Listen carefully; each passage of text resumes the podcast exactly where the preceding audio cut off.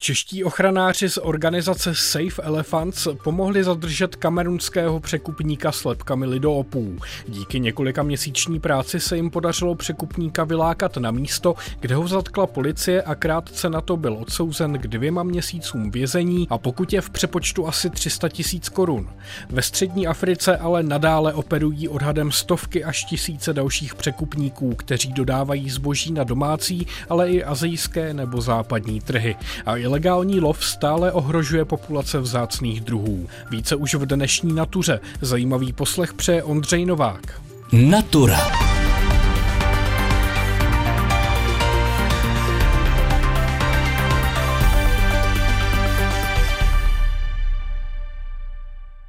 Kamerunského překupníka si ochranáři poprvé všimli loni na sociálních sítích, kde se muž z anglofonní části Kamerunu, konkrétně z města Buja, prezentoval jako obchodník s nechráněnými druhy zvířat. Zakladatel a koordinátor organizace Safe Elephants Arthur Sniegon proto překupníka kontaktoval a předstíral, že má zájem o obchod. Dotyčný muž byl překupníkem, který měl docela čilé vazby na komunitu různých pytláků, pravděpodobně dost širokou v celém státu a zároveň na koncové zákazníky, ať už lidi ze západní Afriky, z Evropy i z Ázie, dle jeho výpovědi i nějakých informací, které se později nalezly v jeho telefonu. To byl člověk postavený na křižovatce, kudy proudí kontraband z Afriky často do jiných kontinentů nebo na západ kontinentu.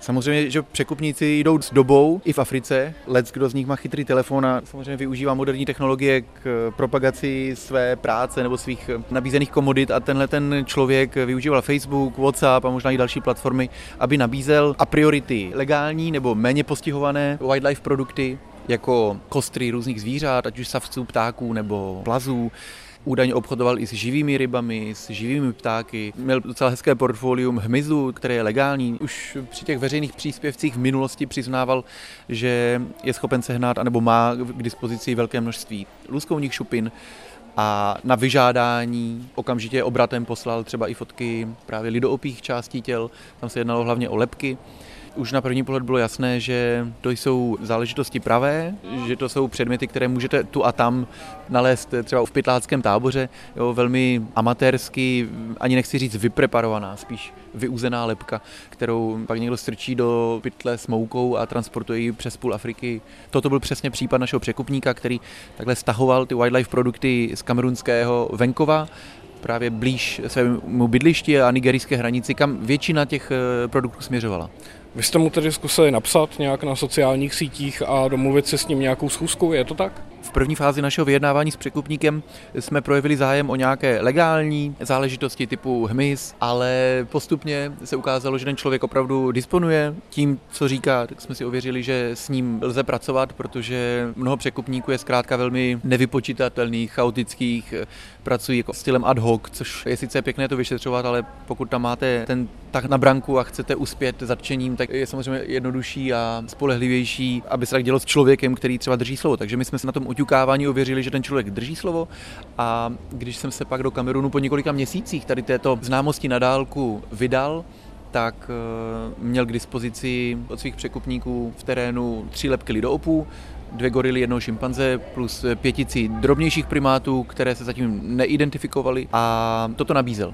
Obchod s legálními zvířaty byl ale pro překupníka jenom zástěrka. Díky svým kontaktům mezi pytláky dokázal zákazníkům sehnat i části zvířat, která jsou silně chráněná. Za lepky lidopů překupník požadoval několik tisíc dolarů. Zvířata prý byla ulovena na zakázku, jejich maso šlo na takzvaný bushmeat, zbytky zvířat se lovci snažili prodat dál. Když aktivisté zjistili, že překupník obchoduje s těmito předměty, rozhodli se přejít k akci. Pokračuje Artur Sniegon. V první fázi je potřeba ověřit pravost, protože fotky sice můžou vypadat hezky, ale pořád ten reálný pohled na ten předmět vám napoví, jestli jde opravdu o tuto věc. Takže já jsem se s ním dvakrát setkal. Zaprvé abych zvýšil nějak míru důvěry z jeho strany a kvůli tady tomu potvrzení. A jakmile jsme věděli, jak ten člověk vypadá, jak se chová, v čem jezdí, kudy chodí, prostě trochu informací, tak eh, se tohoto případu ujela naše partnerská organizace LAGA, která spadá pod Eagle Network, eh, řekněme téměř celoafrickou působností, regionální alespoň. A tato organizace již podnikla ty kroky, aby se zmobilizovala policejní jednotka, se kterou dlouhodobě spolupracují, která má samozřejmě mandát na rozdíl od nás a na rozdíl od eh, těch aktivistů z Laga, potažmo Eagle, k zatčení samotného podezřelého. A to se podařilo. Já jsem nadále hrál roli člověka, který komunikuje s tím podezřelým a vlastně nasměroval časoprostor, kde, kdy zrovna bude, aby bylo zajištěno, že ty produkty má v tu chvíli u sebe. Samozřejmě v mnoha případech by toto nevyšlo, ale v tomto konkrétním jsme měli štěstí. Dotyčný si opravdu ukázal a v největším kamerunském městě Duala, což je samo o sobě docela divočina, nám prezentoval přesně ty záležitosti, které jsem pár dnů předem viděl klec spadla a dotyčný byl souzen. Vy o tom mluvíte jako o několika měsíční práci. Jak těžké je tedy polapit takovéhoto afrického překupníka s zakázanými částmi zvířat? Řekl bych, že opravdu závisí a záviselo i v minulých letech na tom, kterém státě a tom, kterém produktu, protože v některých, eh, ačkoliv většina z těch věcí, o kterých se bavíme, spadá často do stejné kategorie stupně ochrany. Šimpanzí lepka, luskovní šupiny, dnes i třeba papoušci, žáko nebo slonovina dost často spadá do jedné kategorie, ale samozřejmě mládě šimpanze nebo větší množství slonoviny je zkrátka vnímáno tím soudním systémem, anebo i samotnou policejní jednotkou jako něco závažnějšího než eh, pár papoušků žako nebo nějaké luskovní šupiny. Případě většího množství lebek lidopů ale jinak nepříliš funkční kamerunský stát spozorněl a případu se ujal. K zatčení došlo 5. dubna letošního roku a rozsudek soud vynesl zhruba po měsíci. Překupník musí zaplatit v přepočtu asi 300 tisíc korun a stráví dva měsíce za mřížemi. Věřili jsme, že padne rozsudek odnětí svobody a ideálně nějaký velký peněžitý trest. To se nám splnilo jen částečně. Pondělí byl dotyčný odsouzen k pokutě a náhradě škod v celkové výši 7 milionů 800 tisíc franků a odnětí svobody dva měsíce, což sice není úplně uspokojivé, vzhledem k tomu, že mu mohlo hrozit až tři roky za mřížemi, ale je to samozřejmě podmíněno vyplacením tady té částky. A jak jsem toho překupníka za těch několik setkání poznal, tak eh, nedisponuje takovou částkou na jednou. Samozřejmě může mít vazby někam jinam, ale už tohle určitě poškodí nějakým způsobem jeho biznis nebo biznis jeho kolegů. Určitě se sníží míra důvěryhodnosti tohoto člověka a třeba celé jeho skupiny. A v ideálním případě, pokud se jim nepodaří tyto peníze zaplatit rovnou, tak eh, si v tom vězení pobyde déle než ty dané dva měsíce, které samozřejmě v kamerunských podmínkách nelze srovnat s dvěma měsíci tady v českém vězení. Zatčení jednoho překupníka je pro české aktivisty obrovský úspěch, ale pro obchod s divokými zvířaty ve střední a západní Africe jde jen o lokální zásah. Organizace Eagle Network loni pomohla zadržet 160 překupníků, z nichž 10% se věnovalo obchodu s primáty. Podle Sniegona tak nedávno zatčeného obchodníka nejspíš brzy nahradí někdo další. Za ním je často dalších eh, několikanásobně víc, kteří jsou ochotní to dělat, pokud se tam ta nika uvolní. A proto je kromě těch samotných zatčení potřeba o případech tohoto typu informovat v místních i mezinárodních médiích, vytvářet nějakou odstrašující kampaň, negativní kampaň. Ideálně i kampaň, řekněme, pozitivní, aby lidé chápali, že šimpanzi opravdu neznamenají jenom bushmeat a hrozba vězení, ale že jsou to zvířata, která mají k nám a celému lidstvu velmi blízko a že si zaslouží naše sympatie, ochranu a, a soucit. My to tady asi chápeme a ale africká realita na venkových městech je zkrátka úplně jiná. Ale tady ta kulturní změna přístupu k produktům z divoké přírody je potřeba, stejně jako je potřeba v našich končinách, v jiných ohledech. Nepochybuji, že u nás by nikdo šimpanze nejedl, ale zase děláme jiné hříchy proti přírodě. Takže bohužel ta situace ve střední Africe není uspokojivá. Tady to jednotlivé zatčení nevyřeší problém jako takový, ale je jedním z dílků do té skládačky. Vysvětluje Artur Sniegon, koordinátor organizace Safe Elephants, které se podařilo dostat do vězení překupníka s lepkami primátů. Odsouzený měl podle aktivistů kontakty na zákazníky z západní Afriky, ale také z Evropy a Ázie. Pokračuje biolog Ondřej Sedláček z Přírodovědecké fakulty Univerzity Karlovy. Ten případ, o kterém je teď řeč, je malinko výjimečný v tom, že jde o prodej nějakých prostě zbytků, kostí a podobně. Samozřejmě většina zvířat v těch středoafrických zemích končí někde v kuchyních eh, těch eh, místních lidí. To znamená, je to významná složka obživy a oni postupují v podstatě od největších zvířat po ta nejmenší. V řadě oblastí už jsou velká zvířata vyhubená a už se teda živí především eh, drobnými hlodavci, řekněme. Lov primát primátů za účelem prodeje i nějakých, eh, řekněme, kůží, kostí, zubů a podobně je spíše ojedinělý a tím odběratelem rozhodně nejsou Afričani. To jsou povětšinou azijští překupníci. Takže se to dá rozdělit eh, tak, že část té poptávky je tedy domácí, to je na ten bušmít, hmm. a část tedy právě na ty části těch zvířat, tak to je spíš ze zahraničí. Určitě. Do toho by spadaly samozřejmě sloni jako slonovina a možná další nějaké produkty, luskouní šupiny, v poslední době třeba bezoáry, dikobrazů, pak jsou to nějaké na tom lokálním trhu nebo řekněme vnitroafrickém, jsou to spíš nějaké fetiše. Najdete spoustu trhů, kde najdete úplně obskurní věci, různé sušené prostě pařáty a nohy a, a zuby a vlasy a něco všechno, tak tam končí potom některé specifické produkty možná třeba i ty lepky primátů, ale spíše ta poptávka je ze zahraničí. A když se zaměříme na ten Kamerun, tak eh, jak rozšířený problém to tam konkrétně je? Tak s pytláctvím nebo obecně tím lovem se setkáte úplně všude. Já mám zkušenosti z oblasti Národního parku Kamerunská hora, Mount Cameroon, kde teda po vzniku Národního parku už eh, jsou organizovány patroly, které to nějakým způsobem snaží monitorovat, potírat, ale daří se třeba eliminovat lov puškami, ale většinu toho, co tam dneska vidí, tak jsou různé pasti oka a podobně. Ta zvířata tam často hynou dlouho, že jsou prostě týraná a často je tam třeba i ten lovec zapomene, nebo prostě vidíte tam poloschnilé jako z torza různých e, zvířat a každopádně to je v, e, velmi častý a v některých oblastech to přímo ohrožuje populace těch vzácných organismů, vzácných třeba primátů, ale i chocholatek, nějakých drobnějších nebo luskounů a podobně. Pro ten bušmít se vlastně loví úplně všechno. Jo? Od hadů přes, e, řekněme, barany, menší antilopky, větší hlodavci, až po teda, řekněme, primáty, zkušenosti i z jiných zemí je, že to je celkem běžné, že prostě ty zvířata snědí. Ano a co nejde sníst, tak se snaží nějakým způsobem jako dál prodat. Jo? Z toho luskouna taky oni to snědí a ty šupiny se potom snaží Aziatům prodat. Je to naprosto běžná součástí venkovského života. Kamerun patří mezi jedny z nejskorumpovanějších zemí světa. Jak těžké je v takových podmínkách potom vést nějaký boj s pytláky anebo překupníky? To si asi dovedete představit, že vlastně dovolat se nějaké spravedlnosti ve takhle skorumpovaném státě je velmi složité. V tuhle tu chvíli si myslím, že právě činnost neziskových organizací je v tomhle ohledu velmi důležitá, protože ona vlastně je jako vytrvající ten tlak a státní aparát v podstatě není schopen a mě možná nechce rozkrývat eh, spoustu těch eh, nelegálních činností.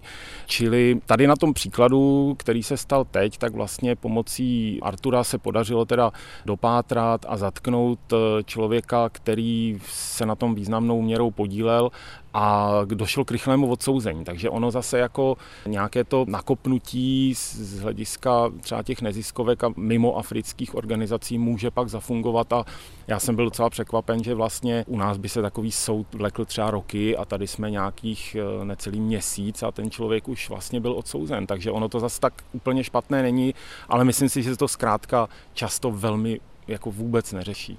No a myslíte, že se podaří tento obchod nebo trh s těmi ilegálními zvířaty nebo částmi ilegálních zvířat eh, někdy zcela vymítit? Tak my v to pevně věříme, protože jinak bychom takové, jako řekněme, riskantní věci ani nedělali. Důležitý je, že právě rodinné vazby a podobně těch lidí ukážou, že to nezůstane bez potrestání, takže se to vlastně rozkřikne v té komunitě těch pytláků, překupníků a řekněme, že to bude minimálně složitější, prostě jít na trh prodat něco Číňanovi, takže aspoň v tohle věříme, ale jak to bude do budoucna, každopádně musíme vytrvat. Říká biolog Ondřej Sedláček z Přírodovědecké fakulty Univerzity Karlovy. Pojďme si teď poslechnout tradiční komentář našeho advokáta přírody Čestmíra Klose. Text načetl Martin Srb. Člověk je prý moudrý, Právě tak troufale označuje svůj vlastní biologický druh. Rozhledněme se však kolem sebe. Kolik moudrého zaznamenáme. Nechci se nijak dotýkat výjimečných mužů a žen, kteří roztáčejí kolo dějin ke stále většímu poznání, k větší svobodě a k větší spravedlnosti. Postoje naší globální civilizace jsou ovšem povětšinou nemoudré, ba přímo hloupé. Vyspělé průmyslové země kašlou na poznání, že stále rostoucí klimatická změna může ohrozit život na Zemi pokud ji dřív atomem nerozmlátí agresor Putin, kterého neumíme zastavit. Méně vyspělým zemím jistě oprávněně vyčítáme, že likvidují pralesy, plíce světa. Ale kam asi z nich míří vytěžené dřevo? Kde se zpracovávají palmové oleje a skrmuje soja z vyžďářených tropických lesů? Rozhledněme se kolem sebe. Poslední pralesní ostrovy živé, opravdu přírodní přírody nechávají moudré lidské mozky nemoudře ničit. Včetně mnoha druhů převážně už ohrožených živočichů.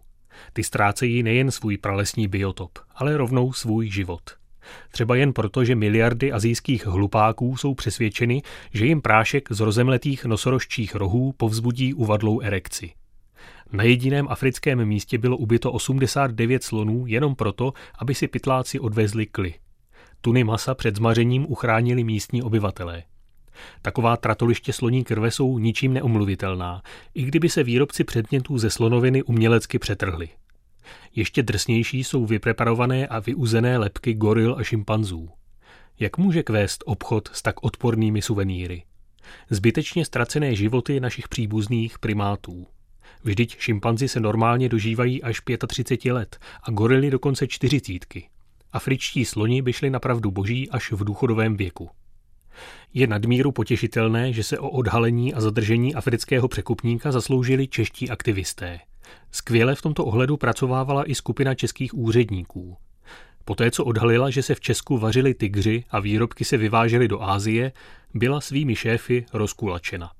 Závist nebo moudrost? To byl Čestmír Klos, jehož komentář načetl Martin Srb. Nad důvody, proč lidé vůbec mají potřebu nakupovat části těl ohrožených zvířat, často přemýšlejí i bojovníci proti ilegálnímu obchodu. Jaké jsou tedy motivace obchodníků a zákazníků, kteří udržují tento nebezpečný biznis v chodu? Na to jsem se ptal bývalé vedoucí týmu CITES na České inspekci životního prostředí Pavly Říhové, která dnes působí jako zástupce vedoucího Centra environmentální sociálních forenzních věd Přírodovědecké fakulty Univerzity Karlovy. Letitý problém je bušmít, kdy se vlastně loví pro maso, protože přece jenom ty lidopy jsou relativně velký kus masa. Taky je to taková známka určitého luxusu, jako dát si steak z gorily nebo steak z šimpanze. Na těch trzích vlastně v Africe tohle se v některých zemích standardně objevuje a ty místní to považují za delikatesu. Bušmít směrem k nám do Evropy v téhle formě primátí se tak úplně často neobjevuje. Druhá možnost, k čemu ty primáty lidé loví, tak jsou právě nějaké rituální věci, to znamená černá magie nebo nějaký talismany, opičí pracka, opičí lepka a tohle se teda objevuje čas od času i tady v Evropě. I my tady v České republice jsme jednou zabavili takovouhle zásilku, myslím, že to bylo z Mali a byly tam právě opičí pracky, sušený opičí hlavy a takovéhle věci. A Třetí velká oblast jsou vlastně mláďata, petmazlíčci. To směřuje hodně v současných letech eh, do arabských zemí na Blízký východ. Tam je tohle pořád populární. V Evropě už je relativně tohle málo, protože Evropská unie má celkem na ty primáty eh, legislativu, která nechci říct, že to vylučuje, ale minimálně to poměrně komplikuje takovýhle chov. Ale historicky i tady jsme měli takovýhle eh, mazlíčky jako šimpanze a podobně. Za tu řadu let, co tuhle práci dělám, já si osobně myslím, že ten nelegální obchod se nepodaří potlačit nikdy protože ta touha v těch lidech prostě nějaké takovéhle věci mít, nebo ta potřeba, nebo ta snaha získat nějaký peníze, ta prostě bude přetrvávat. Ten obchod se vlastně jenom mění. Některé části se třeba daří potlačit, ale ono to zase vyskočí někde jinde. Ty lidi se přeorientují na jiný lukrativní zboží, takže je to takový proměnlivý mechanismus, který někdy úspěšně, někdy neúspěšně se snažíme tlumit, ale vymítit se nám ho asi nepodaří. Já se snažím marně pochopit to, co se honí v hlavách lidí, kteří si takovéto zvíře nebo část takovéhoto zvířete ohroženého, vzácného koupí. Jaká je tedy ta motivace? Proč je poptávka pořád takhle silná? To bychom někdy taky docela rádi věděli, ale ona je to hrozně klíčová otázka na to, co se ptáte, protože jestliže chcete něco řešit, něco potírat nebo nějakým způsobem odhalovat, tak v první řadě byste měl vědět, jaká je právě motivace těch lidí lidí, pochopit tu motivaci. A musím říct, že v téhle branži největší motivace vždycky jsou peníze.